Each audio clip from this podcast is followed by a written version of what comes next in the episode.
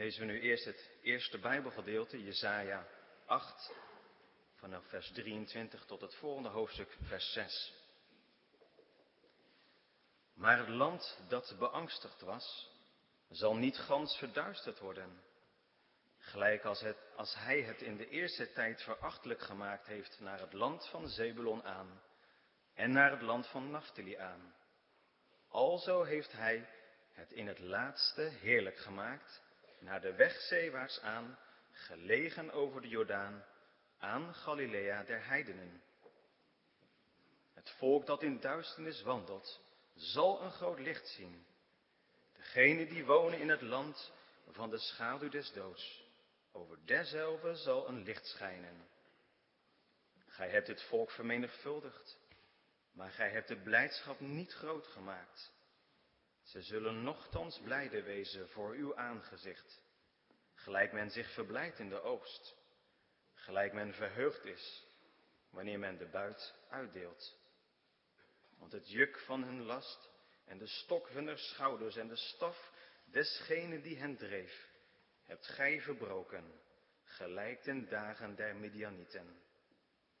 Toen de ganse strijd dergenen die streden met gedruis geschiedde, de klederen in het bloed gewenteld en verbrand werden tot een voedsel des vuurs. Want een kind is ons geboren, een zoon is ons gegeven, en de heerschappij is op zijn schouder. En men noemt zijn naam wonderlijk, raad, sterke God, vader der eeuwigheid, vredevorst. De grootheid deze heerschappij en des vredes zal geen einde zijn op de troon van David en in zijn koninkrijk, om dat te bevestigen en dat te sterken met gericht en met gerechtigheid, van nu aan tot in eeuwigheid toe. De ijver des Heeren der Heerscharen zal zulks doen. Lezen we verder in Matthäus, Matthäus 4 vanaf vers 12. Als nu Jezus gehoord had dat Johannes overgeleverd was, is hij wedergekeerd naar Galilea.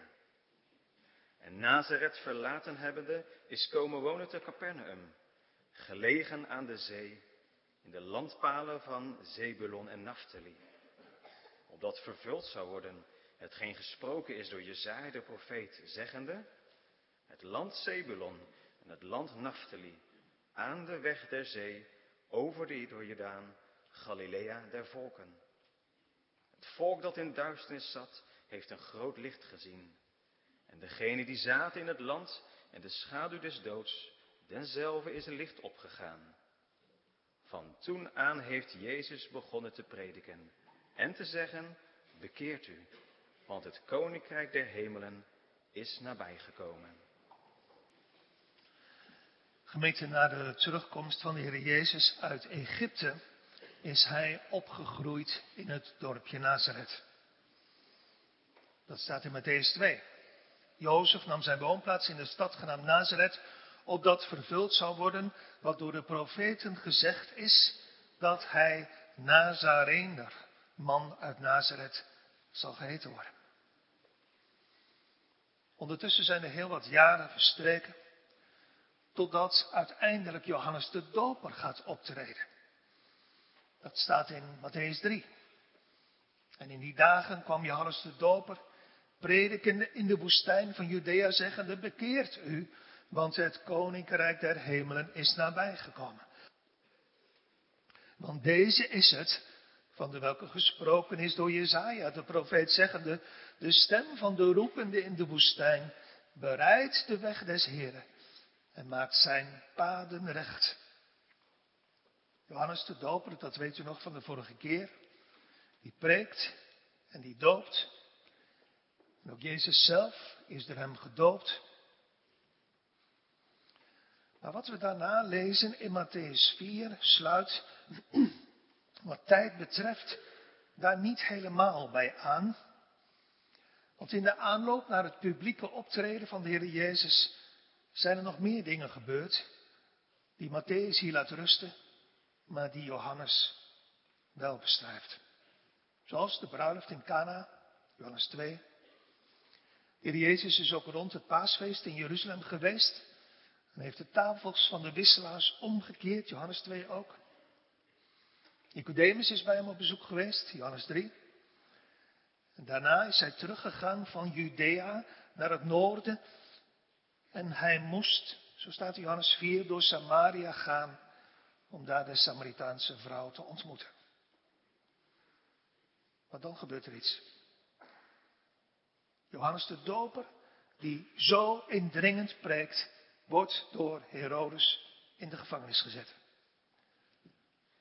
Maar als je Matthäus goed leest, schrijft hij iets anders op. Vers 12. Als nu Jezus gehoord had dat Johannes overgeleverd was. Johannes de Doper is overgeleverd door wie? Door de Heer zelf. In de handen van Herodes Antipas. De Heer zelf maakt een eind aan het publieke optreden van deze roepende in de woestijn. Want hij moet plaatsmaken voor, voor zijn meester. Die nu zelf in het openbaar publiek gaat preken. In het stadje waar hij is opgegroeid, in Nazareth. Zoals dat staat, u moet het thuis nog maar eens lezen in Lucas 4. Het is Sabbat. En de schriftlezing in de synagoge is uit het boek Jezaja. Luister maar mee. De geest des Heren is op mij. Daarom heeft Hij, God, mij gezalfd. Hij heeft mij gezonden om de armen het evangelie te verkondigen, om te genezen die gebroken zijn van hart, om de gevangenen te prediken loslating, de blinden het gezicht, om de verslagenen heen te zenden in vrijheid, om te prediken het aangename jaar des Heren. De rol wordt opgerold. En iedereen kijkt verwachtingsvol naar Jezus. Die ineens zegt, heden is deze schrift in uw oren vervuld. Ze vinden hem echt een heel bijzondere leraar. Staat in Lucas 4, vers 22. En zij verwonderden zich over zijn aangename woorden. Over die woorden van genade die van zijn lippen kwamen. Maar dan ineens slaat de stemming om. Want, staat er zes versen later, ze werden allen met toren vervuld. Als Jezus maar enigszins prikt in hun zelfgenoegzaamheid, in dat jezelf beter en, en, en vromer voelen dan anderen, dan worden ze boos. En heel boos ook. Eerst zitten ze zo stil en goed te luisteren. Wat een geweldige preek. Wat een bijzondere rabbi. Maar dan ineens gaan ze staan. En ze duwen hem de synagoge uit, de stad uit, naar de top van een berg, om hem naar beneden in het ravijn te storten. Maar, schrijft Lucas, hij, door het midden van hen doorgegaan zijnde, ging weg. Naar Capernaum. Johannes de Doper is gevangen genomen, overgeleverd. Hij moest plaatsmaken voor zijn meester, de Messias. En het eerste wat met hem gebeurd is, hij wordt verworpen. Dat kan blijkbaar dat Christus persoonlijk tot je komt. Dat je Hem persoonlijk en zijn boodschap verwerpt. Dat eerste konden ze nog wel verdragen. Ik ben gezonden om de armen het evangelie te verkondigen. Om te genezen die gebroken zijn van hart. Om de gevangenen te prediken loslating. De blinden het gezicht. Om de verslagenen heen te zenden in vrijheid. Maar dat tweede. Als Jezus gaat zeggen, dit mensen is een blijde boodschap voor slechte mensen. Voor slechte mensen, zoals de heidense weduwe uit de tijd van Elia. En zoals de heidense Naaman de Syriër uit de tijd van Elisa. Het is bedoeld om een hoogmoed te breken. Maar ze willen niet buigen. Dan barsten hun harten. En dan knersen ze met hun tanden van haat tegen hem. Herkenbaar, misschien. Ik heb wel eens tegen u gezegd, gemeente, en dat meen ik oprecht. Preken hier is gevaarlijk. Ik weet hoe ik hier sta en u weet hoe ik hier sta. Dat ik me straks voor God moet verantwoorden voor ieder woord wat ik tegen u zeg. Maar ik zeg u, in de synagoge staan destijds en hier in de kerk zitten is minstens zo gevaarlijk. Het evangelie is vol troost. Er is een zaligmaker beschikbaar voor zondaars. De zoon des mensen voor een verloren wereld. Jezus Christus, die vijanden met God verzoent. Wat een troost voor verloren mensen. Maar wat een weerstand en verzet roept het op in vrome, godsdienstige harten van mensen die zichzelf goed vinden en in harten vol van eigen gerechtigheid en schijngeloof. Toen, maar ook nu. De woorden van Jezus, die zo troostvol en liefdevol bedoeld waren in Nazareth, worden veracht. En het gevolg? Jezus trekt zich terug. Matthäus 4 vers 12, hij is wedergekeerd naar Galilea. Letterlijk staat er teruggetrokken. En ook later heeft Jezus niet veel krachten kunnen doen in Nazareth vanwege hun ongeloof. Een kind is ons geboren.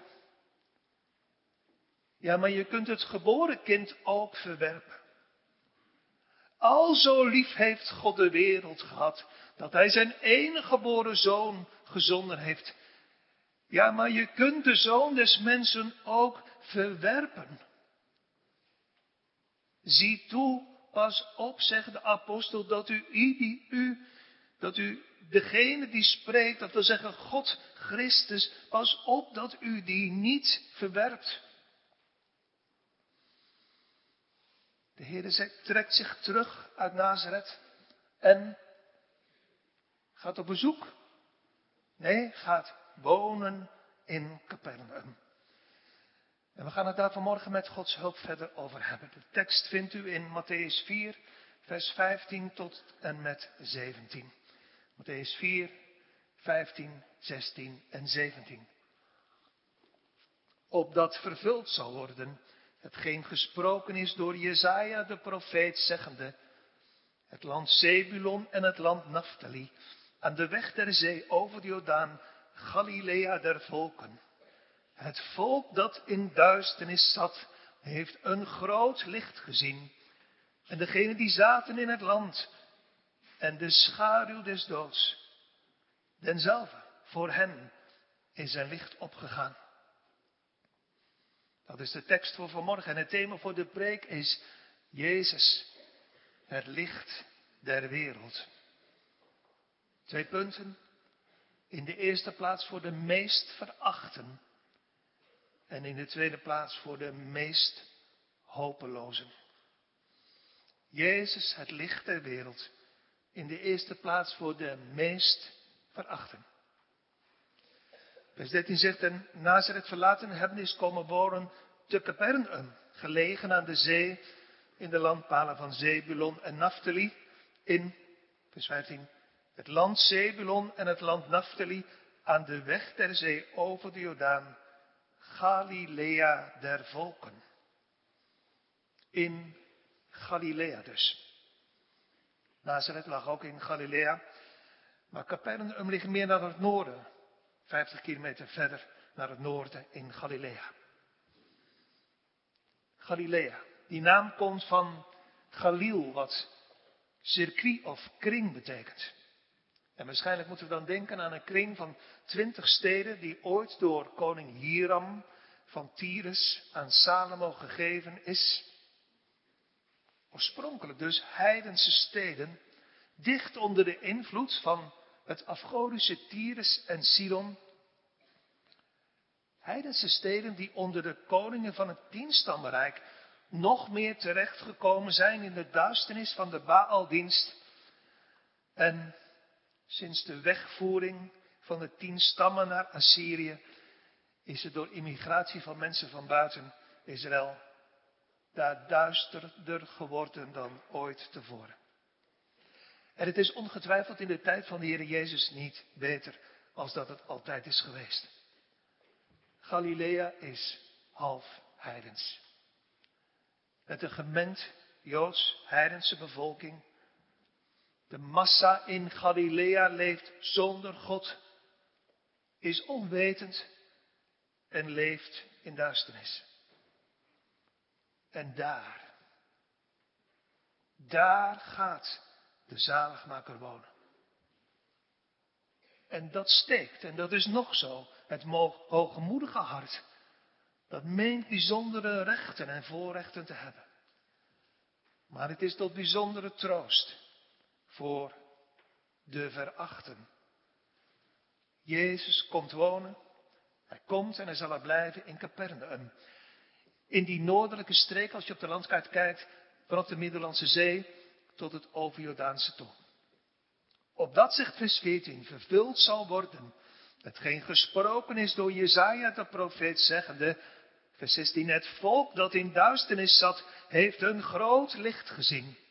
En degenen die zaten in het land en de schaduw van de dood, voor hen denzelve is een licht opgegaan. Dat is de ellende van die streek. En dat maakt tegelijkertijd het wonder uit dat Jezus daar gaat wonen. Want daar is het, staat er, donker, duister. En duisternis is in de Bijbel een beeld van onwetendheid. Van niet weten, niet kennen en niet begrijpen, zoals Paulus schrijft in 1 Korinthe 2. De natuurlijke mens begrijpt niet de dingen die des geestes God zijn. Want ze zijn voor hem een dwaasheid en ik kan ze niet verstaan, niet ze begrijpen, omdat ze geestelijk onderscheiden worden. Zoals Paulus zegt in Efeze 4, verduisterd in het verstand, vervreemd zijnde van het leven Gods, door de onwetendheid die in hen is en door de verharding van hun harten. Daar in het noorden van Galilea is niet alleen donkerheid, maar ook blindheid. Zoals Paulus schrijft in 2 Korinthe 4, in de welke de God deze eeuw de zinnen verblind heeft, namelijk van de ongelovigen. Daar in het noorden is onwetendheid, blindheid, dwaling en afgoderij. Daar is het demonisch duister. Daar heerst de Satan. U denkt, gelukkig. Sorry dat ik het denk, maar zo slecht ben ik gelukkig niet, denk ik. Ja, maar dan woont u in Nazareth. Want daar voelde men zich ook beter. En Nazareth heeft Jezus verworpen. Enkel en alleen omdat hij zijn vinger legde bij hun hoogmoed en bij hun eigen gerechtigheid. U denkt, u zegt, blind, in donkerheid en duisternis wonend. Ja, dat ben ik. En ik voel me daarbij zo moedeloos en zo machteloos. Ik weet gewoon niet hoe ik daaruit moet komen. Ik doe mijn best en ik bid, maar het lijkt allemaal niet te helpen. Ik word steeds moedelozer. Nou, zo typeert Matthäus dat volk in het noorden ook als hij zegt dat volk in het noorden zit in duisternis. Dat zei Jezaja ooit, hoewel het lijkt alsof Matthäus wil zeggen, het is steeds erger geworden. Jezaja zei, het volk dat in duisternis wandelt. Maar hier wandelen ze niet meer. Ze zijn gaan zitten in duisternis. Teken van hopeloosheid, van moedeloosheid. Ze zijn gaan zitten zoals een gevangene in de gevangenis, aanvankelijk nog wat heen en weer drentelt in zijn cel en, en rommelt aan het slot en, en, en kijkt naar het raam of hij daardoor niet uit kan ontsnappen, maar dan uiteindelijk toch moedeloos neerzakt op de stenen vloer en gaat zitten en blijft zitten. Moedeloos, inactief, ontmoedigd, teleurgesteld, geen hoop en zonder God in de wereld. Maar gemeente, het is nog erger.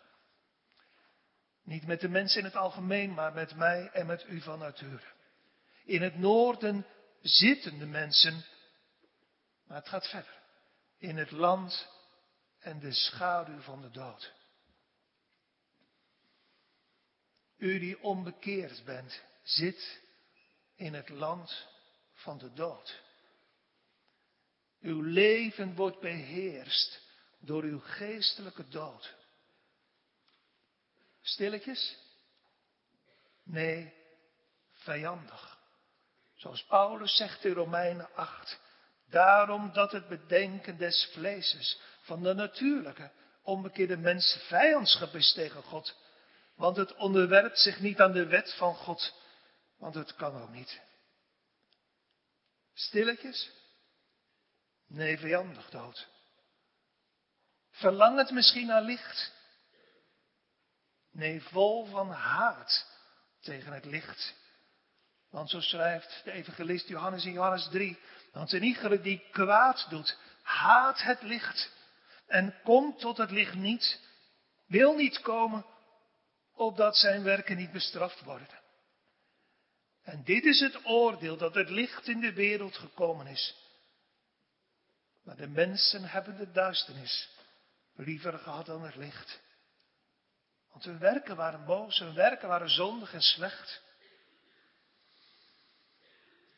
Hoe treurig is uw toestand, onbekeerde vrienden, zittend in het land van de dood.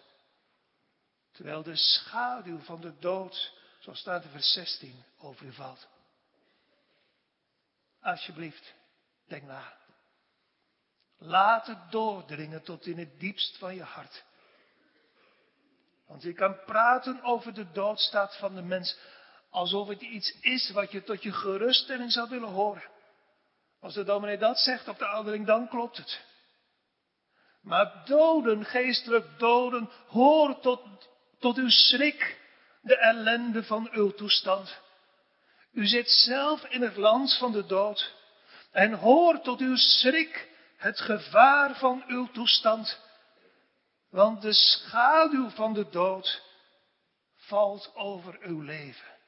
En dus bent u in levensgevaar. O ontwaak toch u die slaapt en staat op uit de doden. En Christus zal over u lichten.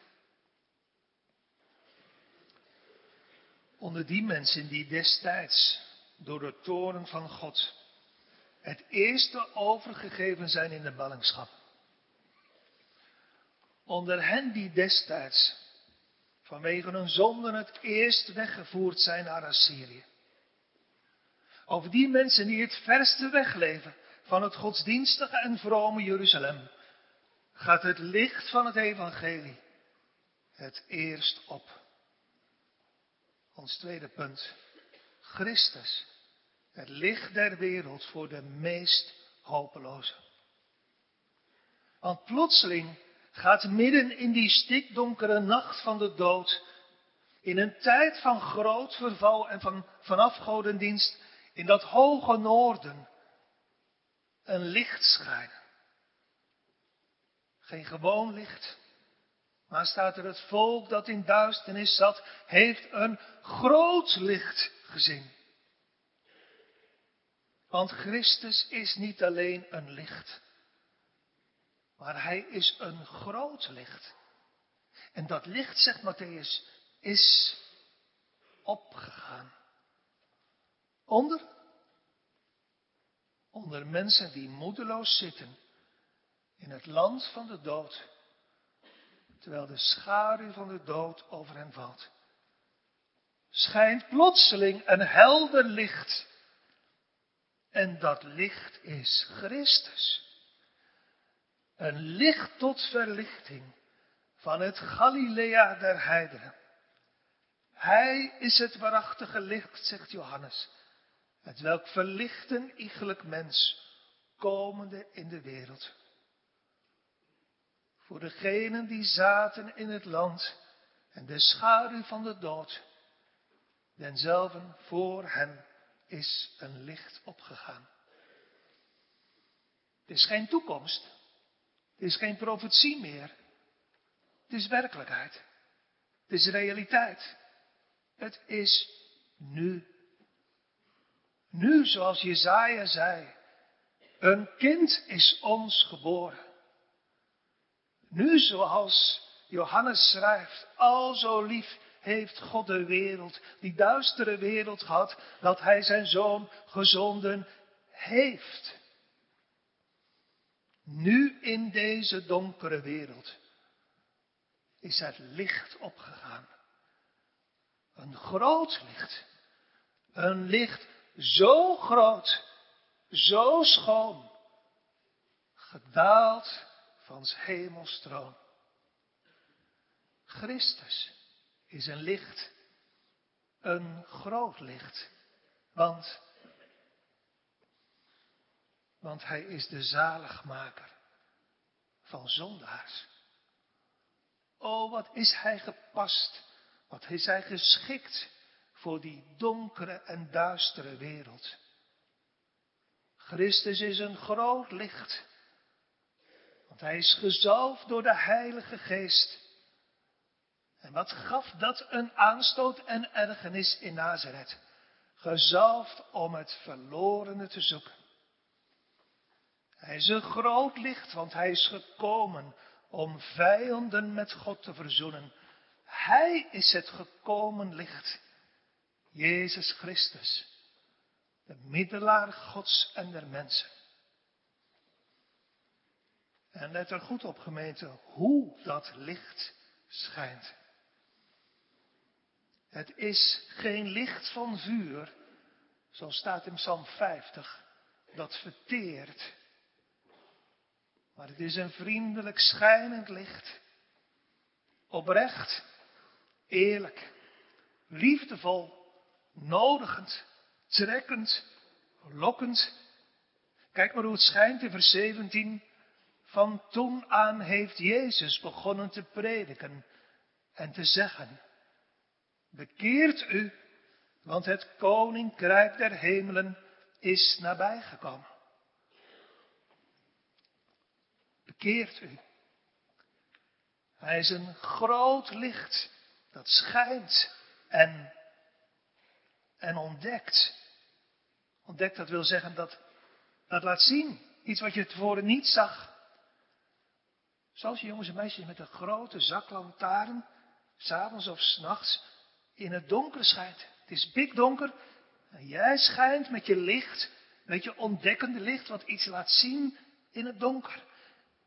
En opeens zie je wat daar in het donker ligt ontdekkend licht. Je wist niet wat er leefde in je hart.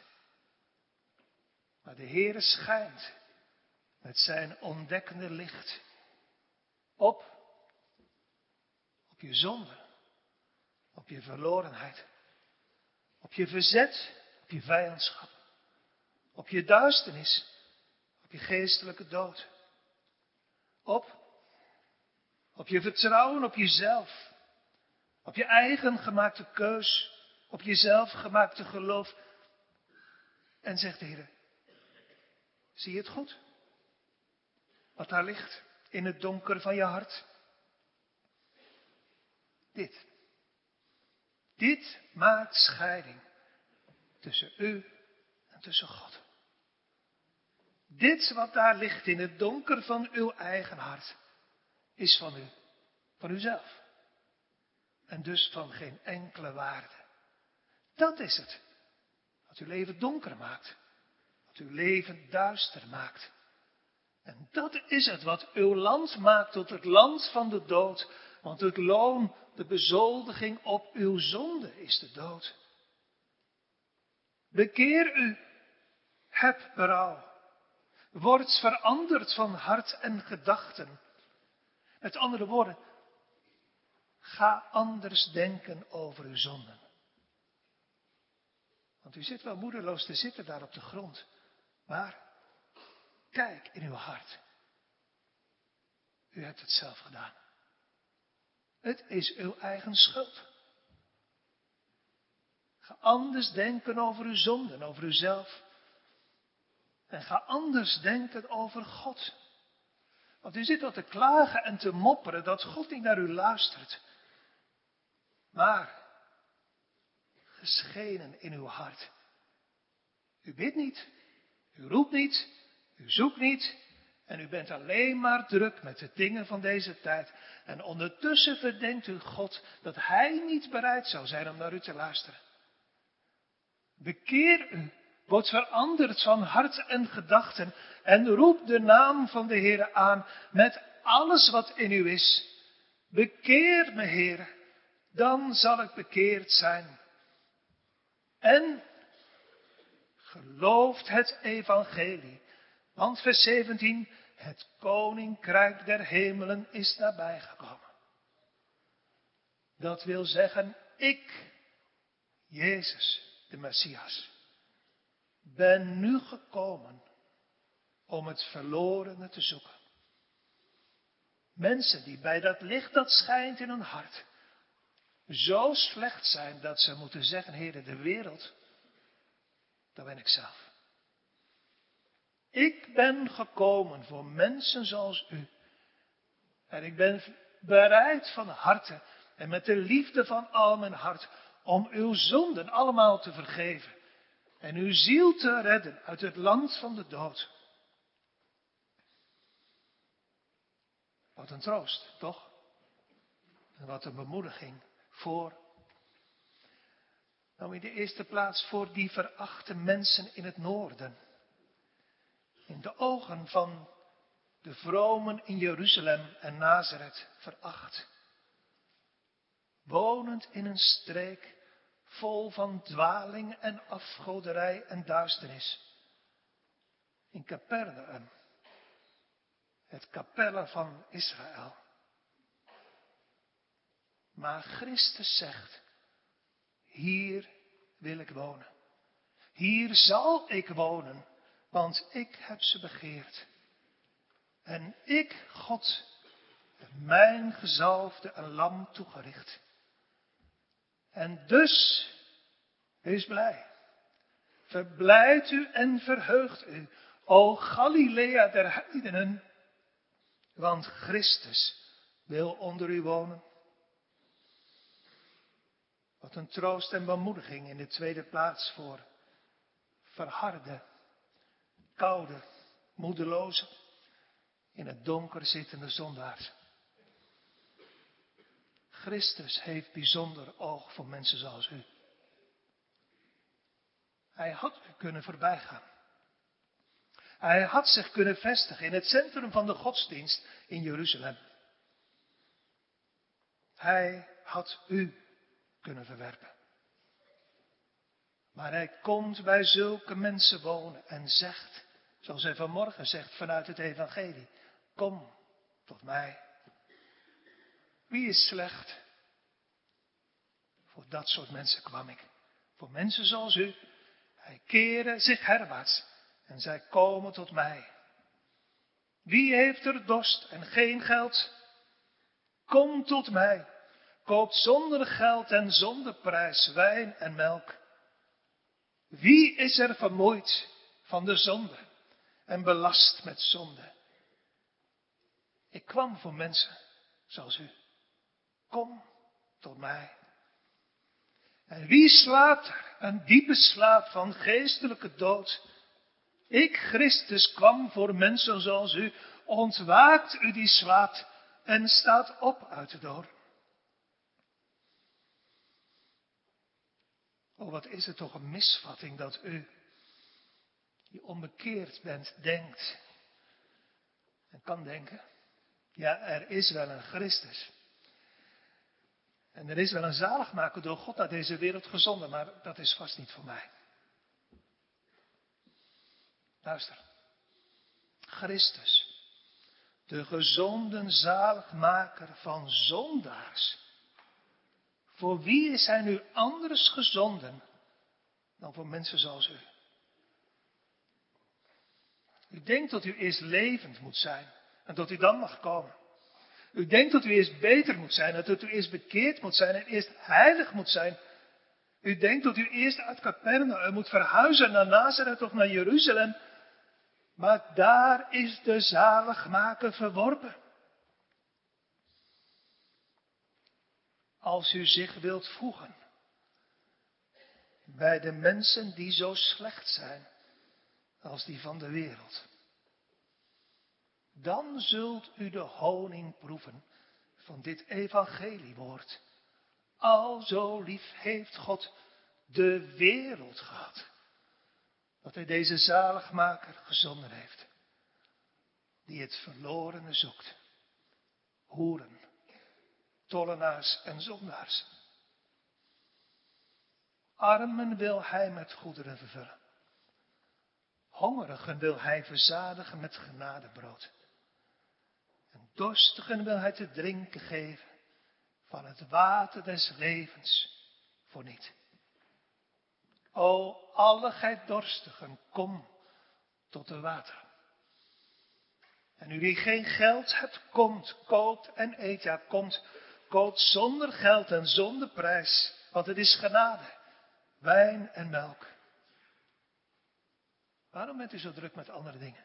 Waarom weegt u geld uit voor wat geen brood is? en uw arbeid voor wat niet verzadigen kan. Hoort, zegt Christus, aandachtig naar mij. En eet het goede.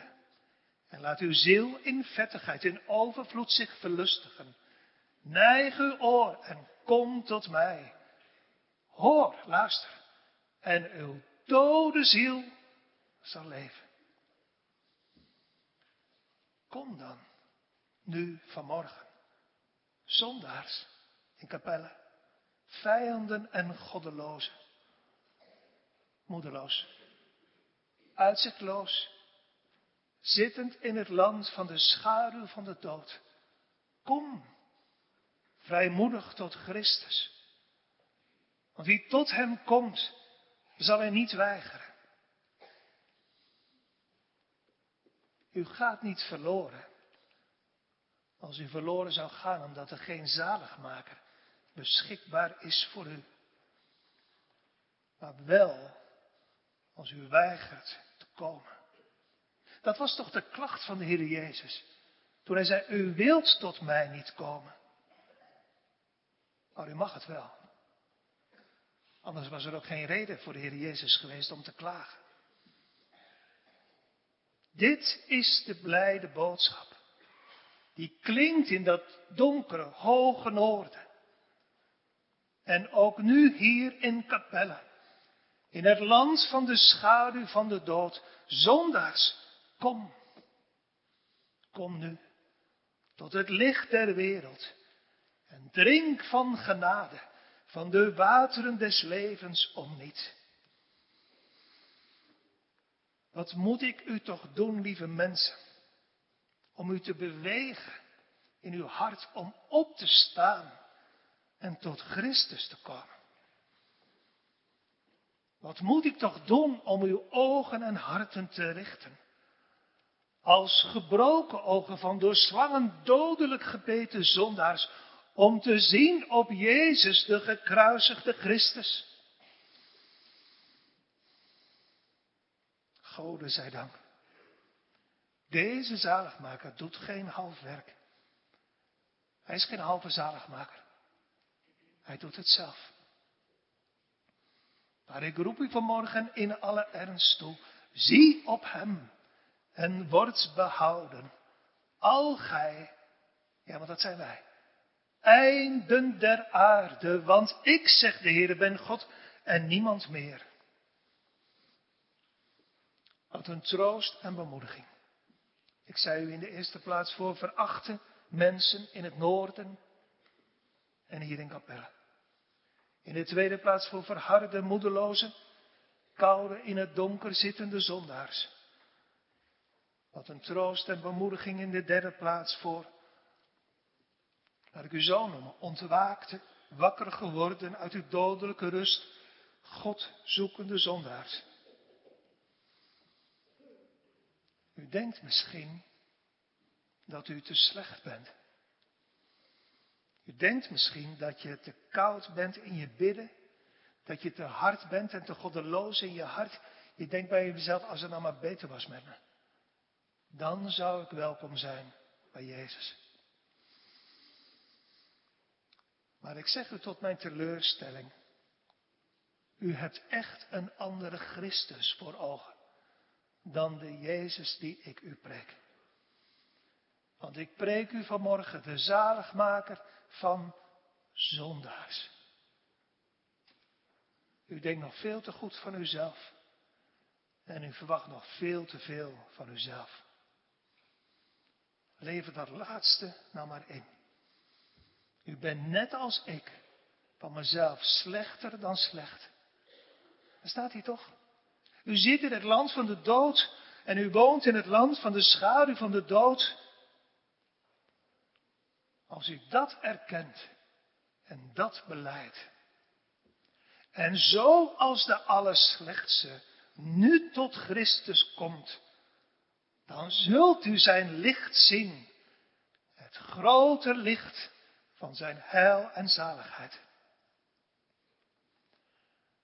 Wat een troost en bemoediging in de vierde en laatste plaats voor al Gods kinderen. Nu Hij, Jezus het licht der wereld, als een groot licht is opgegaan in de duisternis en de dood van ons bestaan. Nu is er, geliefde mede-christenen, hoop voor de zielen van hen die ons lief zijn. Nu is er hoop in ons bidden. Voor onze onbekeerde vader, moeder, man, vrouw, kinderen, kleinkinderen, buren. U kan het voor iedereen. In kapellen, in wiezelingen, in wemeldingen. Voor wie het ook is. Want als de voornaamste, de koploper van de zondaar, zoals Paulus zich noemt in 1 Timotheus 1, door dit licht beschenen kon worden. Als Christus zelf met zijn grote licht wilde schijnen op de koploper van de zondaars. Dan kan iedereen zalig worden. Laat ons dan, kinderen van God, met alles wat in ons is. Niet bezig zijn met de dingen van de tijd, maar worstelen om het behoud van degenen onder ons die nog niet gered zijn. Zondaars. Ongered en onverzoend. Op weg naar de grote eeuwigheid en de ontmoeting met God. Kom. Er is verzoening beschikbaar voor al je zonden in het bloed van Christus. Je hebt een hemelhoge schuld. Juist daarvoor kwam Hij. Je bidt niet. Je weet niet hoe je moet bidden en je kunt niet bidden. Deze zaligmaker wil je leren bidden. Je leven is verzondigd. Je bent hopeloos slecht van jezelf, net als ik. Deze zaligmaker van zondaars past precies bij mensen zoals u. Zeker, u bent van uzelf ongeschikt voor de zaligmaker. En wat u ook gaat proberen, u kunt u zelf nooit geschikt maken. Want Hij, Jezus, is geschikt voor u. Want Hij is gekomen om te zoeken en zalig te maken. Dat verloren was. Tot slot, gemeente. Laten we kleur bekennen en eerlijk zijn. Bent u, twee vragen. Bent u persoonlijk en zijn we als gemeente van Capelle Bieselingen een gemeente van in onze ogen beginnende en gevorderde heiligen, die ondertussen alleen maar bezig zijn met vast te zitten aan de dingen van u. Dan zal Jezus zich terugtrekken. En net als in Nazareth onder ons niet blijven wonen. Of laten we kleur bekennen en eerlijk zijn. Of bent u net als ik persoonlijk en zijn we als gemeente een gemeente van zondaars. Van mensen die hun ellendige zondaar zijn en blijven. Eerlijk onze knieën voor God beleiden. Dan zal Jezus onder ons wonen en blijven wonen. Amen.